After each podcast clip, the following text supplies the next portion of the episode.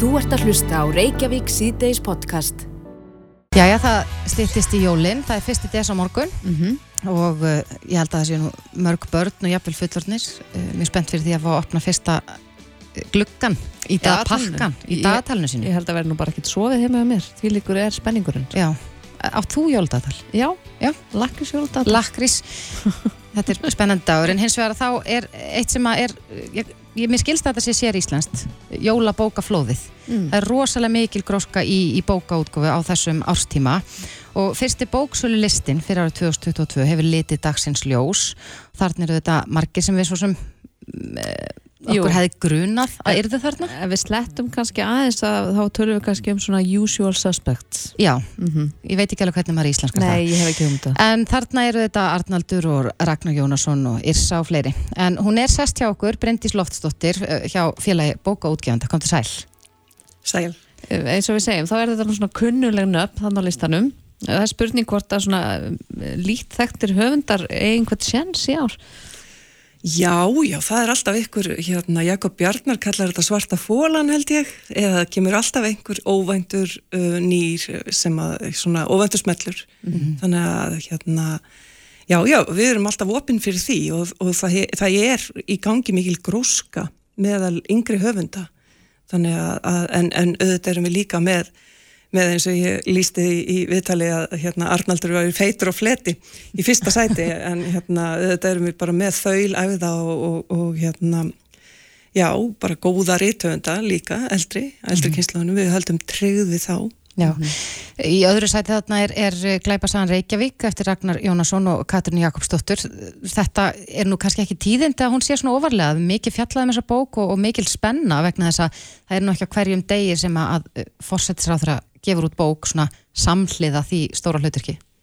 Já, það, það er hérna, ég held að við séum, við erum einhvern veginn svo gjörsneitt, eða við erum svo alþýðlega á Íslandi og okkur kannski finnast þetta ekkert stórkastlega tíðindi, ég minna á að Katrín Júliusdóttir, hún gátt glæpasögu líka, þetta kannski fylgir ykkur ráþæra og, og, og Katrínar nafni, Gæti verið. en, en eh, Erlendis veikur þetta gríðilega aðtegli, held ég, og, og hérna bókin á örgl eftir að fá ekstra aðtegli út á þetta sko.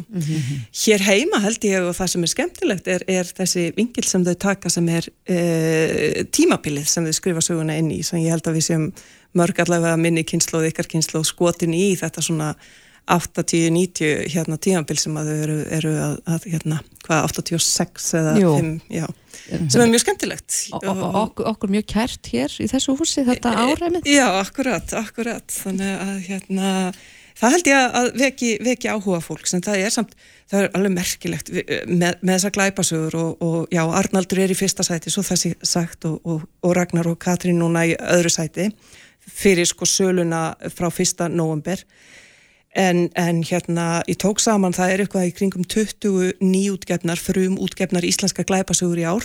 Já, En fyrir 30 árum síðan, árið 1992, þá voru nákvæmlega 20 nýjar íslenskar skáldsögur auglistar allt í allt í bókatíðendum. Og nú eru 20 Nú er íslenskar 20 glæpasögur. bara glæpasögur, sko. Já, Þannig að það segir, sko, það var nú allur völlurinn á bókaflóðinu 92, þannig að hérna, þessu til viðbótar eru þær í já, eitthvað strámiðli held í 50 og 60 skáldsögurnar. Já, ég var að fletta hérna gegnum bókatíðindi Já, og þetta tekur engan enda. einmitt, fallast uh, hálfpartin hendur, maður færi valkvíða bara Já, já, ég, það, er- það, það er bara hérna, um að gera að fara í bókabúðir og, og fletta og skoða og, hérna, auðvitað fylgjast með og lesa kakrinni. En, en þegar einmitt er svona mikið í bóði, er það kannski hluta því að við förum bara, að ég tek bara Arnold hérna fyrir pappa, það er svona uh, tryggt að hann, hann fíli það Já, það er sko, auðvitað er, það, sko, á hinbóin, hvað eigum við að hafa? Eigum við að vera öll eins og skrifa bara eina bók sem hendar þjóðinni? Það sem er þetta skemmtilegt við þetta er það þegar maður er annars vegar að gefa bók, að það er að finna bók sem að maður heldur að viðkomandi hafi gaman af, sem eru þetta svolítið svona lotteri, eða svona áhættu. En, en skemmtilegt. Og svo, svo er líka gaman af því að við tölum svo mikið um bækurnar í, jó, í hérna, jólabóðunum millir jól og nýjós því þá erum við öll svona komin á bólakafi í þetta og þá viljum við ekki öll vera að tala um sömu bókina, við viljum hérna segja hvor, hvor öðru frá frá hérna mismöndi bókum mm -hmm. svo lýsa að það er bara fjölbreytileikin er það sem blífur er, það, er það ekki svona fáni okkar, okkar tíma. Ég held það. En þú sagði að Jakob Jarnar kallar þetta hvað? Svarta fólan? Svarta fólan. Svarti fólin. Er, er við farin að sjá hver er svarti fólin árið, árið 2022? Nei, ég, ætla, hérna, ég, ég vil ekki segja það fyrir í, í desember en, en, en, eh, og hann lætur yfirleitt ekki á sig kræla fyrir, fyrir hérna, í desember. Það er reyndar þannig á morgun að, að þetta er svona síðasti, að það er hægt að fara núna í bókatíðindin og taka þátt í svona hérna, eigin haptrættisleik eða fjölskylduleik því á morgun eru tilnefningar til íslensku bókmyndavelunina gerðar kunnuar mm -hmm. klukkan 5 á kjárvalstöðum Þannig að nú er hægt að fara í bókatíðindin og merkja við hvaða fimm bækur maður heldur að verði tilnemdar í flokki skaldverka, í flokki fræðibóka og, og barna og ungmennabóka og svo bætist núna nýr flokkur við. E, þar sé að félagabóka útgefenda hefur tekið að sér umstjón með íslensku glæpasagnavelununum blóð, glæpasagnavelununum blóðdrópanum mm -hmm. og nú er verða tilnemdar fimm glæpasögur og með nákvæmlega sama hætti og Íslensku bókmyndavelunin þannig að, að, að sá sem að vinnur svo að það verður tilkynnt hva, hva, hvað er besta glæpasagan mm. á bestastöðum eftir árumót og það er fórsetin sem að, sem að hérna, tekur á móti gestum þar mm -hmm. og félag Íslenska bókaútgefenda gefur þeim höfundi eina miljón alveg eins og, en, alveg eins og öðrum sko. Akkurat, en Bryndis ég er nú forvitin með það að eh, hver er svona leikillin að því að já breið út bóðskapin, ef þú ert búin að gefa út bók, er það auglýsingar, þarf það auglýsa í sjónvarpi útvarpi, er það, eh, sko ég segi Lilju að ég hafi lesið aðeinslega bók og hún segir svo vinkunum sinna að hún hafi lesið aðeinslega bók og þetta gengur svona manna á milli. Svona sittlítið að hverju. Sittlítið að hverju. Mm. það er þetta þarf, það þarf hérna þorp til að aðlupann og, og það er samað með bækur. Það þarf, við þurfum alltaf að, að hjálpa stað og, og við mitt hérna deila upplifin okkar og það er líka þannig að þó að ég hafi ekki gaman af ykkurri tiltekinni bóka þá, þá hefur kannski sýstir mín gaman af henni og, mm. og svo framveist þannig að, að hérna, maður þarf svona alltaf að finna þetta út sjálfur. En þó sé nú kannski ofsnæmt að segja hver verði svartifólinn og en væntalega einhverju líklega nú þegar. Um, þessi listi sem var byrtur í gær um, býstu við hann eftir að taka miklum breytingum? Er Arnaldur ekki bara að fara að halda þessu tópsæti? Nei, ég held að nefn eftir að taka breytingum og, ég, og Íslensku bókmyndavelunin þessar tilnefningar hafa alltaf haft, haft áhrif. Við erum líka svona pínus, já, svolítið sengtafærð með, við hefum eftir að sjá hvað gerist í batna og ungmennabókmum. Það eru kannski ekki alveg, fólk er ekki byrjað að kaupa mm -hmm. þessar gjafir. Mm -hmm. Ég veit ekki, hvað ert þú búin að kaupa marga jólagjafir? Allavega ég byrja ekkert að kaupa jólagjafir fyrir 9. desember og Nei. bara pollróleg þanga til og, og svona bara velti þessu fyrir mér. Þannig að það er ekki öll von úti með að Lárubækunar náu sér inn á topplistan yfir, yfir heldina Það getur bara að raða sér inn, já, já, já, já örglega uh, hérna, en það eru hérna, stórar kanunur þarna, ég meina það eru auður Ava og Elisabeth Jökuls og Stefán Máni, Jón Kalman, Sigriður Hagalín, Eva Björg Ægisdóttir, Guðrún Eva Mínarudóttir, Einar Kárasson, Lilja Sigurðardóttir, Kristín Eiríksdóttir, Benny Sef, Íslefsdóttir, Þóraðin Eldján. Vistu, við, þetta er bara, við erum ótrúlega rík og við höfum bara brosa stolt og glöð og, og hérna njóta tungumálsins, lesa íslenska bækur og jólinn. Akkurat. Við tökum myndir þetta með þér og bara býðum spennt eftir að sjá tilnefningarnar á morgun, klukkan 5 exakt. Jú. Bryndis Loftsdóttir frá félagi Bóka útgjöfanda. Takk fyrir þetta. Takk fyrir. Þú ert að hlusta á Reykjavík C-Days podcast. Já, það er klukkan 26 minnum gengin í 5 og mér langar bara að vara við uh, þá hlustendur sem er að kera heim og ætla að taka leiki á tímaflækki uh, 5, 4, 3, 2, 1 ég er að fara að segja hvernig staðan er í leik Ástrali og Danmerkur og það er óvænt, það er 1-0 fyrir Ástrali Já, það er semst óvænt. Já, Við byggast ekki við því. Bara ég bjóstu við því? Nei, og ekki heldur uh, því sem að það er að gerast í hínumleiknum Nú? Það er túnis að vinna Frakland Hættu þessu nú alveg En það er svo sem alveg Það skiptir einhver mál fyrir Frakkana svo sem nei, nei. En uh, þetta skiptir mál fyrir Danmarku mm -hmm. Já, en það sem skiptir líka máli fyrir uh, fólki í landinu er að jólinn er dýr mm -hmm. og maður þarf að hafa nógu mellir handana til þess að geta haldið jólinn hátileg það er nú bara orðið þannig að, að þetta er verulega dýr hátíð heldur betur og það má nú kannski segja að Inga Sæland formað flokks fólksins sé uh, sá alþingismæður sem hefur já, látið mest í sér heyra varandi þann hópi samfélaginu sem hefur minnst á milli handana og hún er sestinni hjá okkur. Velkomin Inga. Já, takk fyrir. Já, þú skrifar hérna pistil á vísi í dag þar sem þú er svona aðeins að fara yfir ef maður má kalla það forgangsröðin eða hvað? Fjármuna? Já, það má, það má segja það, sannlega. Forgangsröðum fjármunna sem að mér hefur ekki verið þóttu vera fyrir fólki fyrst. Nei. Aldrei. Öryrkja fá núna 60.000 króna eingreðslu fyrir jólinn og þetta er, er breytingar til það sem að þú laðir fram ekki satt. Já, ég legg þessa breytingatilögu fram 10. nógumbeð síðastliðin. Það var við sko fyrstu umræðu fjáraukanlaga þar sem að var áallega að greiða út þessa engreislu í desember upp á ríflega 27.700 krónur. Deila í, með tveimur í, í þá upphæð sem að var greitt út í fyrra í desember. Uh, mín breytingatilla hljóði upp á 60.000 krónur en ég fekk síðan ringingu frá formanni fjárlaga nefndan núna um helgina sem ég var beðin að draga breytingatillöguna tilbaka með tilliti til þess að fjárlaga nefnd myndi þá taka utanum hana og uh, hún er þið sett uh, fram í því formi sem ég hafi lagt hana fram, 60 krónur ég saði að það væri alveg sjálfsagt, ég myndi draga hana tilbaka eins og vindurinn ef að þau skildu ekki þessa 6.000 eldri borgar eftir sem að voru í öðrum lið í þessari tillögu. Mm -hmm en þau eru minnstakost ekki ennþá búin að sjá sér fært að gera það samanberað hvaða Grísland sem fór í gegni í gerðkvældi í Þingsal. Mm -hmm. Þú segir 6.000 uh, eldri borgarar sem að ja, verða eftir. Eru þetta einstaklingar sem er að fá, fá sko, strípaðar já, já. Bætur Þetta eru mjög mikið öryrkjar sem er orðinir nokkrun dögum eldri og þar að leiðandi hitta elli lífrist þegar í dag og þetta eru mjög mikið fullona konur, ömur og langumur sem að voru heimavinnandi mm -hmm. og hafi ekki áinni sinni eitt lífið sett og þetta er fólk sem er í bara sári fátækt, virkilega sári fátækt. Um, ég, ég býst fastlega við því að þessi hópur sem að þú hefur gefið rött síðust ár, að hans í stöðu sambandi við þig, hvernig er hljóðið í þessum hóp núna? Það er desember hefst á morgun.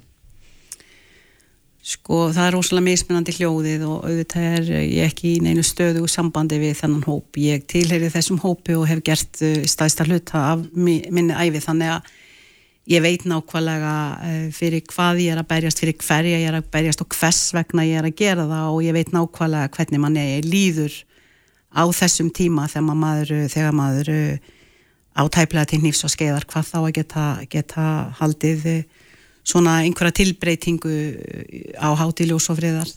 Þá hérna en það er mikið þakklæti sem ég heyri gamla fólkið, eldri borgararnir okkar segja, ég menna að hverju skilur þú okkur út undan, það er eins og þau skilji ekki að ég er ekki innráð hér, annars væri þetta pínlítið öðruvísi. Ég er bara í stjórnaranstöð stjórnaranstaðan hefur staðið þjætt við bakið á öllu því sem ég hef verið að gera. Þar er lítur af því að hjálpa fólki sem á bát.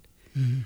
Uh, í gerðkvældi var atkvæðagreysla þar voru uh, að, að stórum hluta myndi ég segja, þó nokkurum hluta þá gekk svo atkvæðagreysla út á mína breytingatillögur ekki bara hvað lítur að því að uh, kalla eftir 360 miljónum króna í engreyslu fyrir þennan hluta eldriborgara núna í desember eins og eru ekki að fá heldur uh, um 150 miljón krónur fyrir uh, þessi nýju hjálparsamtök sem að fengu útlutað 30 miljónum í fyrra deilt með nýju. E, það er, ég hef eins og er heilt þar í fólki sem að segir innanbúða fólki sem segir að neyðin hefði aldrei verið eins mikil síðan að þau byrjuðu að, að standa í því að, að hjálpa fólki og gefa því mat og nöðsinar Uh, og, og þau eru með tárinu augunum yfir því að ég vel þurfa að slengja í lás uh, og ennþá er röð úti sem ekki hefur fengið hef, fengið neitt. Mm -hmm. og ég segi fyrir mína part að ég get bara engan veginn skilið það. Ég, ég, ég bara, ég á mjög bátt með að kalla það uh, mannvonsku en, en þetta er jú mannana verk. Það er mannana verk hvernig staðan er í dag og og í þessum fjárauka lögum þegar við tölum um fjárgangsröðum fjármunna eins og ég skrifaði um í greininni sem að, þið vísi hér til að þá er til dæmis uh, ágættur fjármálar á þar okkar Bjarni Benediktsson og óskæftir umbóði í þessum fjárauka fyrir 6 miljörðum króna til að geta kift í því sem ég kalla snoppill flottu landsbanka byggingunni hérna niður á Östubakka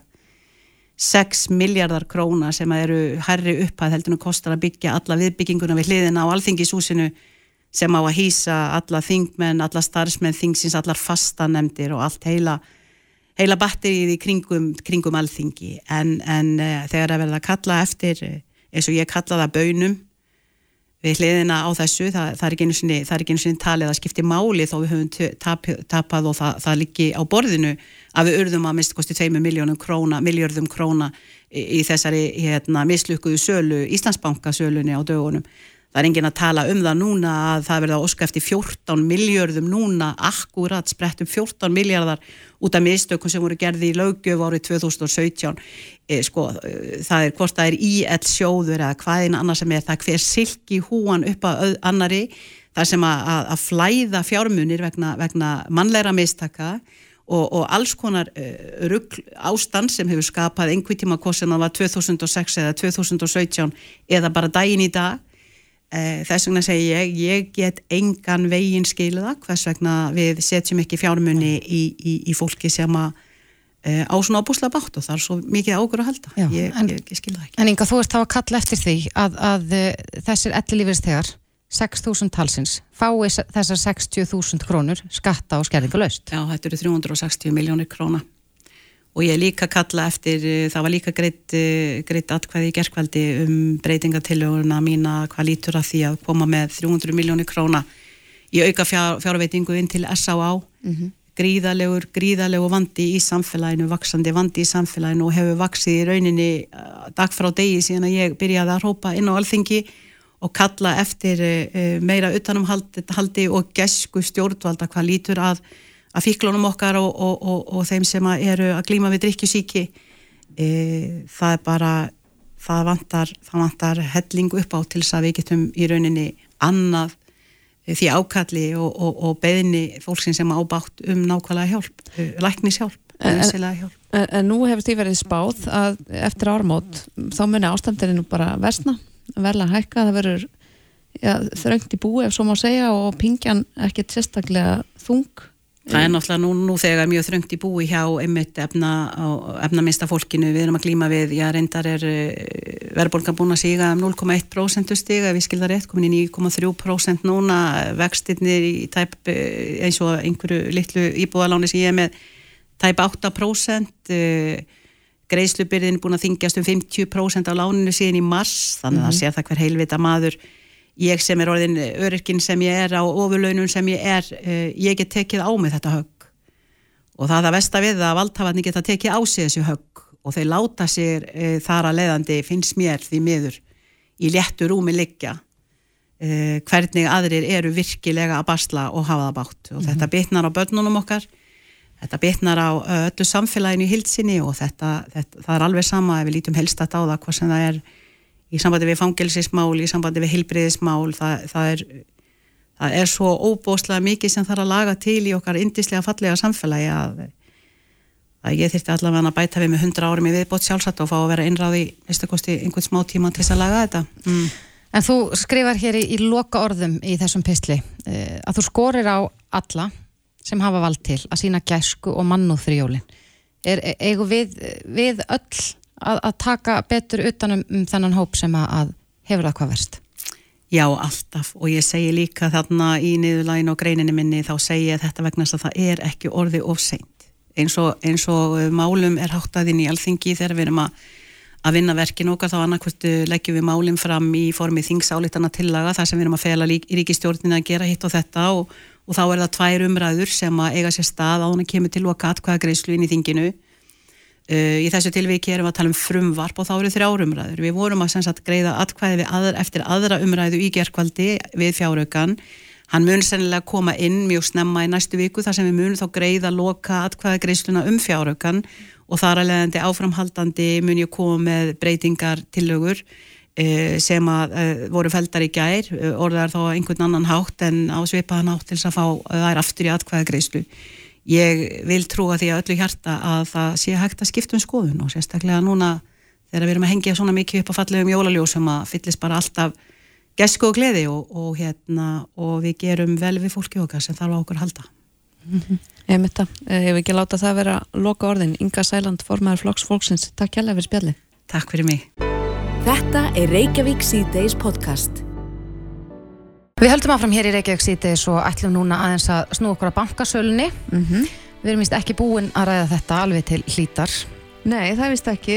Katrin Jakobsdóttir fórstráðra og Lilja Alfredsdóttir viðskiptaráðra voru bóðar á fund uh, hjá stjórnskipan og elditsnefnd í dag þar sem þær voru spurðar spjörunum úr. Akkurat og, og það er nú, já, hægt að lesa mikið um þennan fund í fjölmjölum í dag en uh, við uh, höfðum sambandið hann Sigmar Guðmundsson, þingmann viðreistnar sem er í stjórnskipunar eftirlitsnefnd og hann er á línu hjá okkur núna, kom til sæl Já, góðan daginn. Uh, Sigmar, og kannski byrja að segja okkur, akkur voru Katrin og Lilja kallar á þennan fund? Hver, hver á svona eh, tilgangur fundarins? Já, við erum náttúrulega bara í því ferli að, að, að vinna út frá skýslu ríkisendurskoðunar. Það er bara hlutverk stjórnskipunar eftirlitsnefndar að vinna áfram með það skýslur og skoða þá kannski líka sérstaklega atriði sem að ríkisendurskoðandi tók ekki fyrir í, í sinni rannsókn. Uh, eitt af því sem að eru auðvitað staðrind í málun er það að salan var alltaf mjög mikið skoðuð í upphafi og aðdraðandanum í ráþærunemdum efnaðasmál og þar eiga ásand Bjarnar Benediktsini, Lili Alferðsdóttir og Katrín Jakobsdóttir sæti.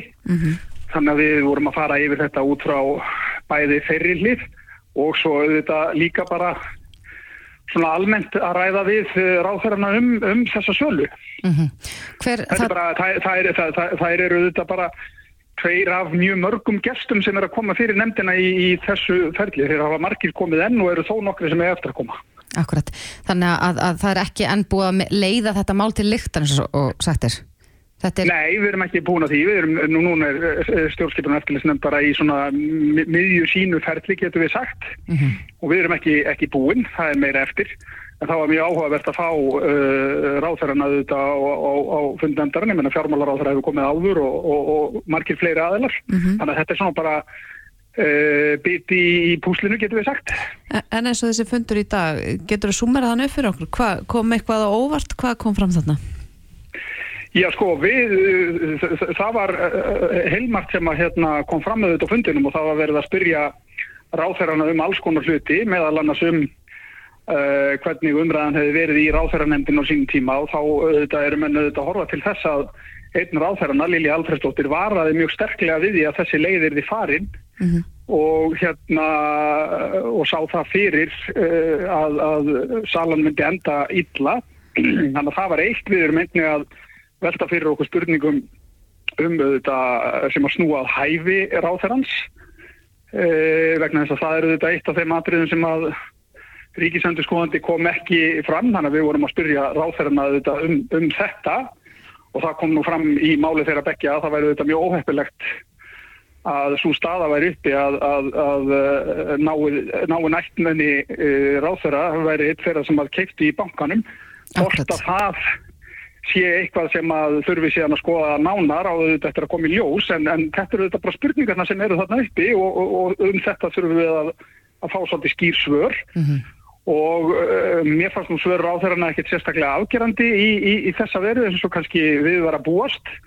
En, en hérna uh, þetta er svona kannski bara hluti af því sem við erum að velta fyrir okkur. Ég meina eitt af því sem við erum líka að velta fyrir okkur er bara það uh, hverjir að öðru leiti keiftu í bankanum, liggur það fyrir, liggur það fyrir fyrir hverja, hvort að erlendu aðilarnir sem er að kaupa, sé að kaupa fyrir einhver aðra, skiptir það máli þetta er bara allt hérna spurningar sem við erum að beina þá til uh, ráþærarna því að þeir eru að sæti í þessari ráþæra nefnd. Mhm. En þið hafið þetta í stjórnaranstöðinni kallað eftir því að, að já, óháð rannsóknar nefnd takið til starfa og, og rannsaki bankasöluna sem slíka.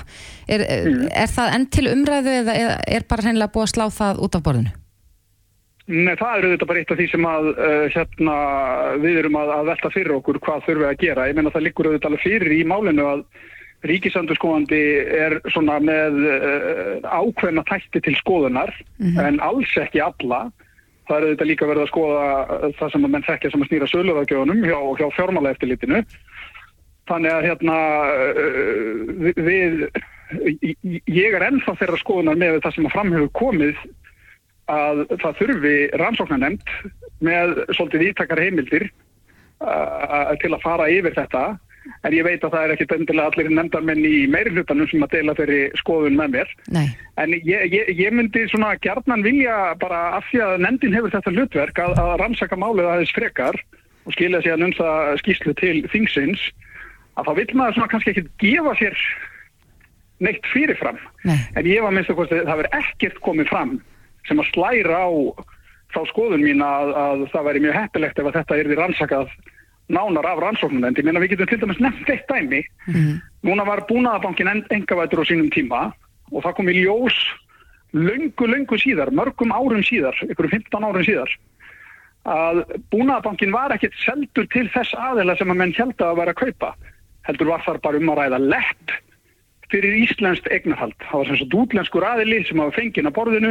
Allir held að það veri verið að selja bankan til þessa erlenda aðila en svo kom að ljós uh, löngu síðar að það voru Íslendingar á bakvið kaupin.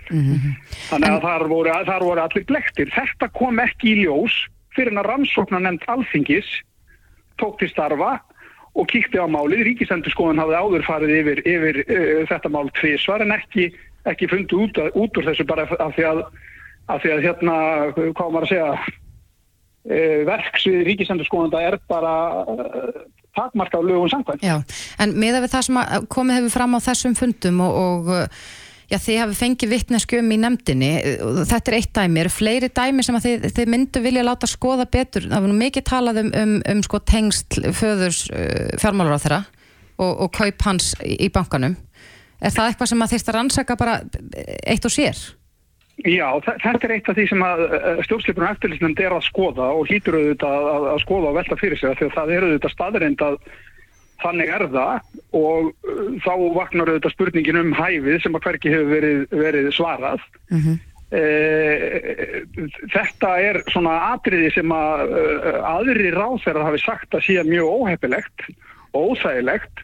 Þetta er líka atriði sem að eh, hvort sem okkur líkar það nú betur eða verð, þetta er líka atriði sem að varpa svolítið rýrð og tortrygni á allt sölufellið og það er auðvitað óheppilegt uh, algjörlega óháð því hvort að, að, að eitthvað óðurlegt hafi þarna verið að segja því eða ekki en þá er þetta bara staða sem er óheppileg. Hún varpar svona kannski skugga yfir frekari áform um að selja því að við mögum ekki gleyma því þá eftir að selja restina af, af, af Íslandsbanka og það, þess vegna þurfum við að fá þess allar hluti á hreint sko, svo við getum þá verið með eitthvað tröst og við séum bara búin að leiða í ljós var þarna eitthvað sem að ráþæra hefði átt að gera öðruvísi í ferlinu. Mm þetta er svona eitt dæmi af mörgum sem við þurfum að skoða betur. En núna er náttúrulega þið í ykkar vinnu í stjórnskipunar ætlitsnefnd svo við búin að fá skýslu ríkis, ríkisendurskoðunar og við býðum eftir skýslu frá Sælabanka Íslands ætti þetta ekki að duga? Nei, vegna þess að sko, við, auðvitað getur að fara svo að þetta dugi, en við auðvitað eh, erum að hérna, uh, við erum auðvitað að fá uh, skýslu uh, fjármálaeftilitsins eftir að skýslu stjórnskipur og eftirlitsnefndar líkur að öllum líkindum. Og þetta er auðvitað Þetta er þannig sko, að þe- þetta er auðvitað bara hefðbundið ferli í þinginu að, að þegar ríkisendur skoðandi skila skýslu og þá er fyrir mann að fjalla í stjórnskipun og eftirlitsnefnd. Við erum auðvitað ekki með neinar sérstakar svona e, beinar e, miklar rannsóknar heimildir til þess að leiða eitt og annað í ljós fyrir nú utan það að auðvitað hljótu við nú að, að hérna vera sammálum það að það sé heppilegast að niðurstaðan komi frá óvilhöllum aðila sem að tengist ekki pólitík frekar heldur en að við séum í þessum hefðbundu uh, svona pólitísku átökum um, um þessa hluti. En sko punkturinn minn er bara algjörlega óhætti hvar menn standa í pólitík þá heyrist mér allir vera sammálum það að það sé mjög nöðsilegt að allt liggi fyrir í málinu áður en að halda þér áfram e, með söluna og ég, fæ ekki séð, það er með þessu ekkert sem að hefur komið fram í okkar vinnu sem að leiði með eitthvað frá þeirri niðurstöð að það þurfa að skipa rannsóknarnefnd. Nei. En ég ætla svo sem ekki að gefa með neitt uh, fyrirfram af því að við erum auðvitað ekki búin í okkar vinnu. Nei, og uh, við höldum áfram að, að- að fylgjast með ykkar vinnu. Sigmar Guðmundsson, þingmaður Viðristnar, kæra þakkir fyrir þetta. Takk hérlega fyrir. Við höldum áfram hér í Reykjavík síðdeis og ætlum núna Þetta er Reykjavík síðdeis podcast. Við höfum uh, undanfarna mánuðu ár mikið rætt um kynferðsofbeldi, mm -hmm. kynbundið ofbeldi líka. Og það er nú kannski eh, já, hægt að tengja þetta bara beint við MeToo-byltinguna að umræðan hefur breyst alveg gríðarlega Já. á stuttum tíma. Já, og náttúrulega orðin mun opnari sem er náttúrulega ekkert nema jákvætt. Nei, en uh, núna er í gangi 16 daga átak uh, gegn kynbundna ofbeldi, ég held að við séum á degi 6 núna og, og uh, alls konar fréttir að byrtast á miðlunum og, og skoðanapistlar og fleira tengt þessu. En við rákumst á eina áhugavera grein sem uh, ber heitið hlutverk Karla í baráttunni gegn kynfyrsofbeldi og þetta er áhugavert vegna þess að, að oftast nær, ég ætla ekki að segja alltaf en oftast nær eru konur uh, sem láta sér þessi mál meira varða einmitt. En margir karlmenn vilja komast inn í þessa umræðu og vilja geta tekið þátt fyrir okkur hinnar vegna þess að ég held nú að já, margar rannsóknir benda til þess að konur eru í meiri hluta þegar það kemur að, kynferðsofbeldi og, og þegar það tala um kynbundi ofbeldi að þá er nú áttu konur. Mm Og karlmenn kannski vita stundum ekki hvernig þeir eiga að bera sig að en sá sem skrifar þessa grein er sesturinn í okkur, það er Hjálmar G. Sigmarsson, hann er ágjafi hjá Stígamótum, velkomin. Og daginn, takk, takk fyrir að hafa mig. Er það ekki svolítið málið, karlmenn kannski vit ekki nákvæmlega hvernig þeir að koma sér í umræðinu eða hvað? Já, ég held að nú lengi vel þá vorum við kallar ekkit að, að taka mikið þátt í þessar umræðu og uh, en undanfarin ár og, það er kannski alveg fengt að nefna MeToo, svona bylgjuna, þegar þess að fyrstu sem við tókum eftir hér á landi, 2017-18 að þá fóru svona fleiri kallar einmitt að, að, að svona sína lit og, og tala um þetta upp, átt og, og, og svo kom við ljós líka sem við vorum kannski búin að pæla í þessu í ykkur ár en svona vissu kannski ekki hvernig þeir ættu að, að svona nálgast þetta eða hvað þarra hlutverk væri og líka hvað þau getur tekið þessu umræðu og fá, fyndu fleiri upplýsingar og allt svo leis mm -hmm. og MeToo var svona tækifæri til þess að, að, að það var eina af líka spurningar sem var varpa fram svolítið þegar og fleiri og fleiri sögur voru að koma fram, hefur hvað ætla kallar að, að gera, hvað ætla því kallar að gera?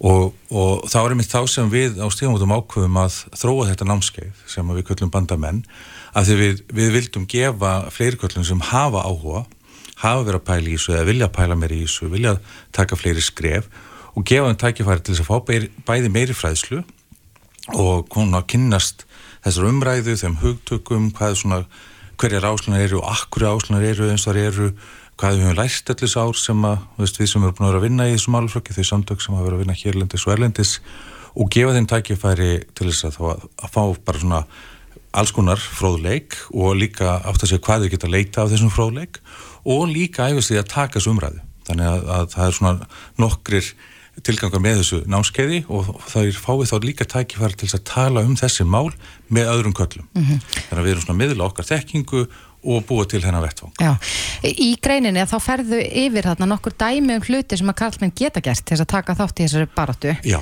Getur nefnt okkur nokkra hluti svona fyrir hlustendur sem eru áhuga samir og, og, og vilja láta þessi mál sér varða? Já, það er sko hérna kannski mitt að, að hlusta og, og svona og læra kannski meira um þennan málaflokk, vera forvitin, uh, átta sig og þá kannski fyrir okkur svona kalla sem að sem að auðvitað verða kallar fyrir kynfisóbildi og alls konar óbildi en, en, uh, en svona almennt séu kallar ekki að pæla í þessu og eða, eða átt að segja ekki á því hversu umfámsmikið þetta er mm -hmm. þannig að það að, að reyna að finna út bara hvað er eðli kynfisopildis og, og hvaða áhrif afleggingarnar hafa á lífi einstaklinga vera, vera einmitt svolítið svona hlusta eftir því, vera fórutrin eftir því að því að það er eitt af því sem að kannski fleiri og fleiri áttu sig á eftir 2017 MeToo bilgjuna var að hversu útbreytt þetta er mm -hmm. það verður rosalega margi kalla sem að heldur þetta væri bara svolítið svona jæðarreynsla, þetta væri ekki það algengt mm -hmm. og, hana, og líka líka hversu fjölbreytt kynfisopildi er. Þannig að það er einmitt að kynna sér uh, hana, uh, reynslu brótaþóla af alls konar kynfisopildi uh, og virða einmitt þessa, þessa fjölbreyttu reynslu og einmitt hversu flóknar og fjölbreyttar afleggingana geta verið og hversu langvarandi þar eru Vist, þó eitthvað hefur gerst fyrir mörgum árum mm -hmm. þá er þetta ekki eitthvað sem líður hjá Nei. Þú tala líka aðeins hérna um má kannski sumerað upp sem að líta bara í einn barm svona hugmyndir okkar um kynlíf og mörg Já. það lítur nú að vera svolítið erfitt fyrir marga Já, það er held ég sko, held ég svona, allir í umræðu þessum að við erum að takast á allt frá okkar eigin fordómum og, og þekkingaleysi að þá þetta er alltaf einhvern þröskuldur að, að um, um, og kannski umræðan um kemfarsóbildi er líka alveg sérstaklega flókin af því að, að það var lengi vel þannig og það á til að gerast þenn að, að sumir kallar halda að það sé bara verið að ráðast á alla kalla með því að tala um kalla í þessu samviki mm -hmm. skilja hvað ég meina Uh, og, og mér finnst það reyndar hafa skánað, þú veist, undarfærin ár að, að kallar ekki að fara eins mikið í vörð, en ég held að það sé mjög mikilvægt fyrir okkur kalla og okkur sem eru í veist, ég sem hvítur uh, hérna uh, gagginur sís kallmaður ég bara hef þau forréttindi að ég verði ekki fyrir ímsu, eða ég þarf ekki að pæla, pæla ímsu og það sem að kannski þetta námskeið er meðal annars en að varpa ljósi á að það er fólk sem að veist, uh, er skilt þér, vinnu með þér er búin að vera í námi með þér veist, konur og jáðasettir einstaklingar sem verða fyrir og eru bara svona reglulega að verða fyrir alls konar fordómum og áreitni og ofbeldi sem að þú ert kannski ekkert að pæla í og það sem að líka gerir að þessi svona þetta ákveð þekkingaleysi og stundum sinnuleysi gagvað þessum málflaki hefur líka þetta áhrif á kattkinsbrótaþóla kemjusopildis. Mm -hmm. Við erum líka að gera lítið úr einslu þærra með að vera ekki að pæla í því og, og reyna að skoða álingabyrtingumyndir, álingabrótaþóla og, og með því að opna meira á þetta þá erum við að hleypa fleirum inn. Akkurat. Eitt af því sem hefur líka oft verið talað um er að, er að sko samfélagsmiðlar eru, eru þetta kannski bara til þess gerðir að sundra okkur en ekki að samina. Það er eh, oft Já. mjög pólariseru umræða Já. og ég hef nú bara heyrst af því í, í samtali við fjölmarka karlmenn sem eh, er í kringum mig Já. að margir þóra ekki að tjá sig af hræðslu kannski við það að, að segja eitthvað vittlust.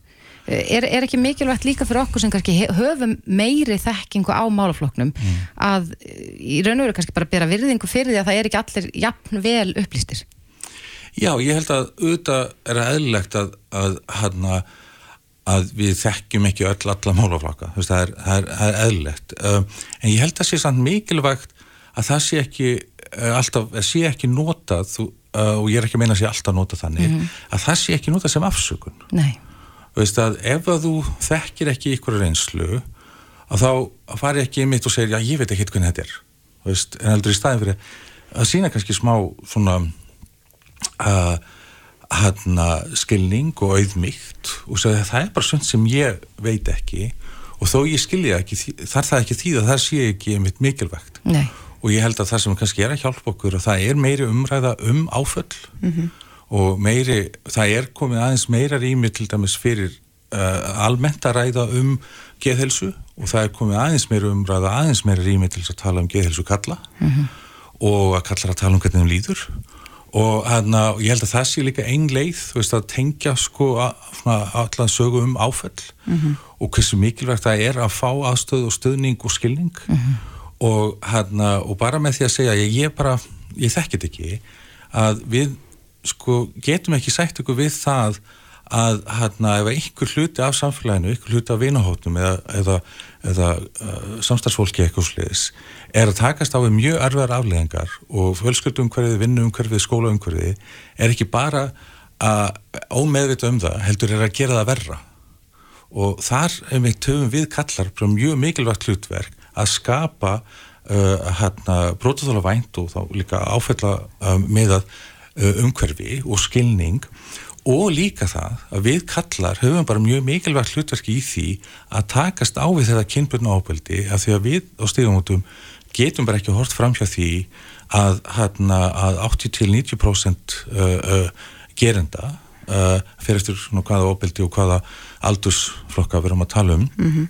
eru kallar það eru kallar sem eru að beita hana, konum, börnum og köllum fyrst og fremst eru er, er, er gerandinir þannig mhm. að það er eitthvað sem við kallar þurfum að skoða í okkar umhverfi. En þú mynd, myndist á þetta námskeið bandamenn fyrir þá sem vilja beita sér umræðu. Um, hvernig kallmenn sækir þetta námskeið? Það er nú bara mjög fjölveitur hópur. Og það er sko uh, þegar við erum með opinn námskeið sko námskeið þar sem bara, hversu með getur, bara allir geta skráð sig á að þá erum við að fá sko bara mjög breyðan aldursóp uh, menn, menn sem eru í námi menn sem eru í félagstarfi og stórmálum mm. og, og, hana, og hafa bara svona fundið þörfa því að bæði að læra meira um það málaflokk og fá líka sömurtalum að bara fá ræðið þetta við aðra að kalla mm -hmm. og, og þá líka ekki bara þegar þeim finnst það eina leginn til þess heldur líka til þess að æfa sig í því mm -hmm. þeim langar að taka þessi samtöl við vinnufélag sem eru að kannski að segja óviðið hluti, er að gera lítið úr. Og það sem við reynum þá að gera er að, að skoða þetta heildrænt og sjáum þetta að það að, að einmitt að horfa fram hjá einhvern sem segir bara nögnabrandara út í eitt, það er ekki meinlust, það er hluti af þessu samengi og þeir margirinn mitt upplifa að þetta er, er óþarlegt og erfitt en finna að þeir þurfa að gera eitthvað. Mm -hmm. og þeim finnst að hafa fá svona fræðslu, fá tækvelds að þetta, fá mitt alls konar dæmi uh, líka, og líka kannski bara svona ábyrtingar að, að átta sig á því að við kallar erum oft bara í mjög kallagum heimi. Vist, við erum ekkert að lesa oft hvernabókmyndir og hlusta á á podcast þar sem að konur er að tala um reynslu sína eða horfa bíómyndir þar sem að konur eru í, uh, er, í, í aðhlutur og svo framvis og framvis Akkurat, ég heyri það að þetta er, það er getum spjallaði um þetta heilengi Já. Fyrir áhuga sama karlmenn. Já. er það bandamenn.is bandamenn.is og hérna hveit allir þess að kíkja síðan á það. Það er líka að senda post ef að vanta nánar upplýsingar. Mm -hmm. en það er þetta að fá upplýsingar um það með þess að sína svona efnistök, það er nokkuð myndbönd. Uh, það er hérna, svo munum við bæti við uh, að setna á þess ári og næsta ári alls konar fræsluheftum þar sem við tekum fyrir ákveðin þemu og, hérna, og við erum að auðvitað núna tvö námskeið, það eru komin á dasgrá og svo er eftir áramót og við mhm. ætlum að bæta við fleiri, fleiri hérna, námskeiðum uh, þegar líður á árið ja. og líður á vorið Hjalmar G. Sigmarsson, ráðgjafi hjá Stígamótum Kæra þakki fyrir komina Takk, kælaði fyrir mig Við höfum undanfarnar mánuðu ár mikið Reykjavík síðdeis á Bilginni podcast. Já, við heldum áfram í Reykjavík síðdeis og við heldum nú Jónum Hauki Viðari Alfredsin í gær, hafðfræðingi, mm -hmm. sem er með svona nýjunga á fastegnamarkaðinum, kaupstaður. Já, hann hefur auðvitað skrifað marga pistla um, um fastegnamarkaðin, mm -hmm. fastegnasala. Hann hefur ansið harðorður í þeirra garð en, var að kynna nýjung sem er í raun og veru millileðalaus sala fastegna í gegnum netið fyrir sko bara brot af því sem við erum já, vöna greiða fyrir slíkviðskipti mm -hmm. í söluleunum og, og, og skjala vinslu og, og fleiru Einmitt. en uh, það er spurning hvernig, hvernig já, fastegna salar líta á þetta? Já, hún er sérstaklega hjá okkur, Mónika Hjálptíðsdóttir hún er varaformaður félags fastegna velkomin. Takk fyrir það. Já, hver er svona þín fyrstu viðbröð þegar þú heyrir af kaupstaði? Um, ég er búin að sjá þetta og ég herði í honum í morgun líka í viðtælinu og hérna og ég bara fagnar því að fólk sé að finna sér farveg í að selja fastegnir, ekkert út af það að setja mm -hmm. og hérna og bara, já, þeir eru með eitthvað kerfi og ég er svo sem ekki búin að kynna mér það, þannig ég er svo sem ekkert um það að segja. En hvernig hljómar svona þessi að eitthvað sé millilega laustar að kemur að fastegna viðskiptum sem eru nú yfirleitt svona stærsta fjárfesting fólks á lífsleginni? Um, Ég sé það reyndir ekki í ganga að það sé eitthvað, eitthvað valmöðulegi svona hefðbundni íbúðasölu millir hérna á íslensku markaðin svona núna og, en kannski einhverju tilvökum getur fólk nýtt sér sjálfsölu en, en svona miða við hvernig ferlið er í dag að þá er það talsveit floknara heldur en að fólk geti alveg gert það sjálft sko. Mm. Hann talaði um það að það er því þannig sko að, að já, ég raun og veru greiðmar auðvitað einhver upphæð uh, fyrir vinnu fastegna salan sem að mun þá sjá um að gögnin fari réttan farveg mm -hmm. en að, að kaupandi og seljandi beri fulla ábyrða því sjálfa fylla alla pappira út sér þið fyrir að það geti skapað einhverju vandræði ef að, ef að fólk sem hefur ekki þekkingu á, á reglunum og, og þessu umhverfi? Sko, þetta er kannski aldrei óljóst sko að annars vegar hvort þú getur selgt þetta alveg sjálf, af því að það hafa, hefur alltaf verið heimilt, þú, það geta allir selgt sína sér fastegnin sjálfur mm. og það er ekkert sem bannar það, mm -hmm. en um leið og þú er komið aðkomið fastegninsala að þá er komin allt önnur annar kapli í þetta, þá ertu komin með fastegninsala sem starfar undir mjög ströngum lögum og það er bara ákveðin, það er bara mjög skýr og ítarlega lög sem búa þar baki, þannig að ef þú rættu fastegnasala um máli þá ber honum að fylgja þeim lögum. Og þá er það þannig að fastegnsali hann á að semja sölu yfir lit sjálfur, hann á sjálfur að skoða fastegn og hann á að veita þá ráðkjöf sem hann getur veitt faglega um ferlið. Mm -hmm. og það er allt í krafti þessara laga sem okkur ber að fylgja. Og fastegnasalinn hann er með starfs ábyrgatryggingu sem við þurfum að greiða fyrir.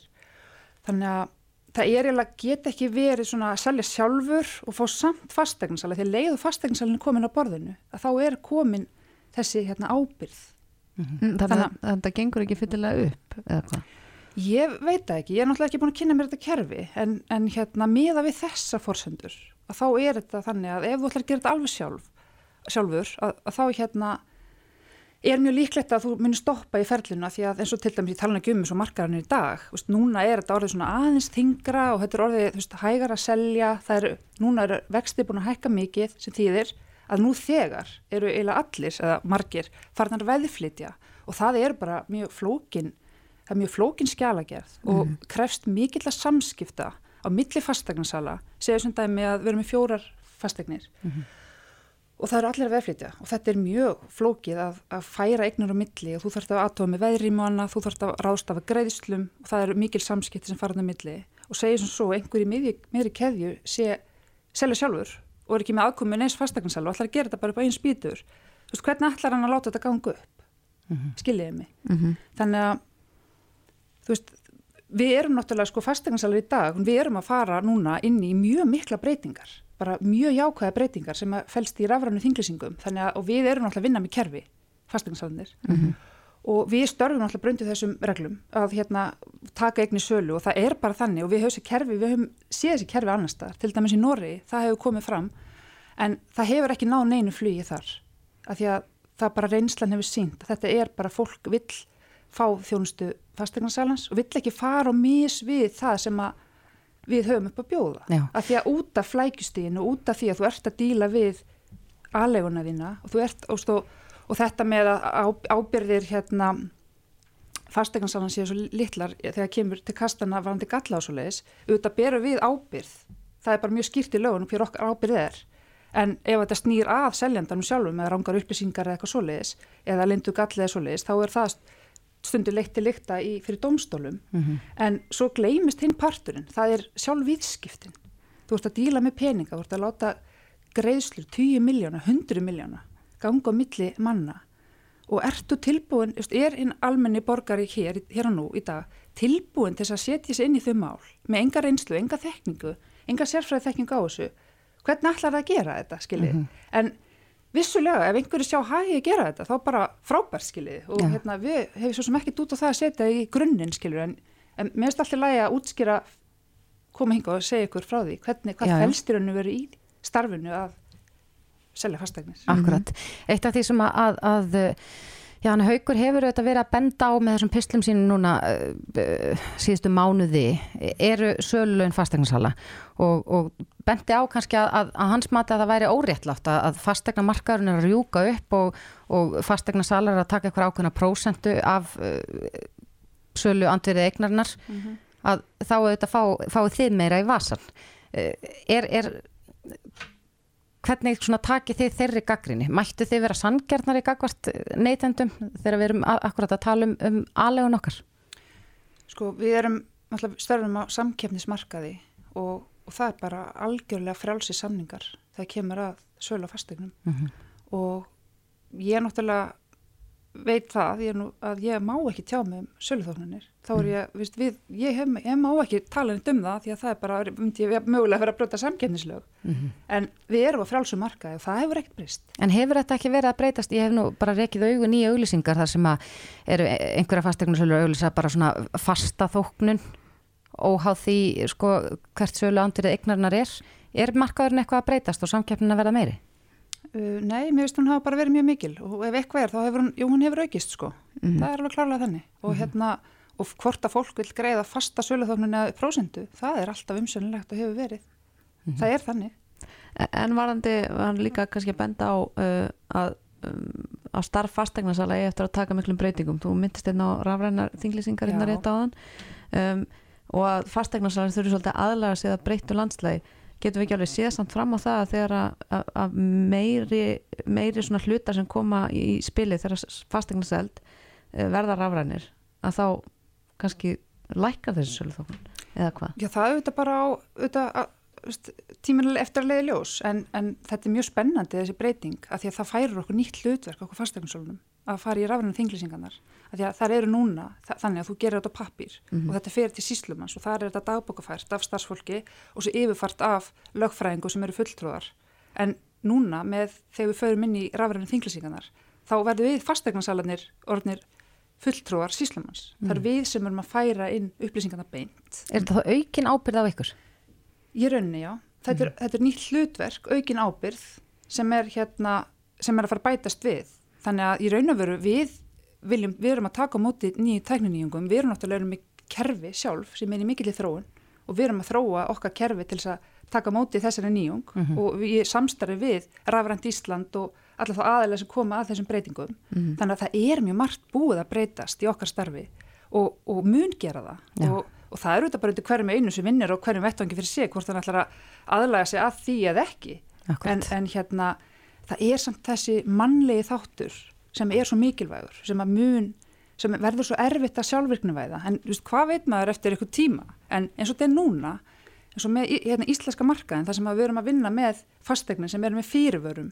Við erum alltaf, þurfum að eiga svo opbáðslega mikil samskipti við kaupendur og við seljandur við aðra fastegnarsala og það er verið að díla mannskon hluti eins og afhendingadaga, greiðslur hvinnar, og greiðsludaga veist, hvinnar, til, hvernig ætlar að láta það ganga upp? Af því að það er eins og eftir hrun eftir að hérna, það tímabil gekk yfir, þá breyttist markanum þannig að flestir þeir sem eru, eru inn á markanum eru að kaupa sér aðra fastegn, þeir kaupa hann ekki nema þeir selji hinn, sem, sem, það, verður til þessi keðja.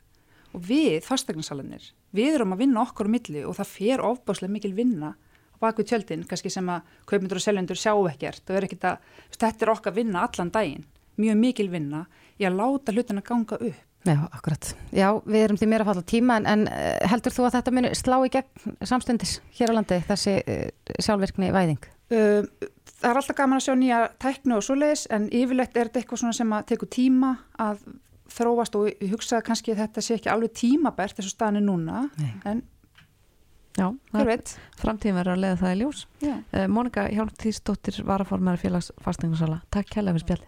takk fyrir mig. Hlustaðu hvena sem er á Reykjavík C-Days podcast.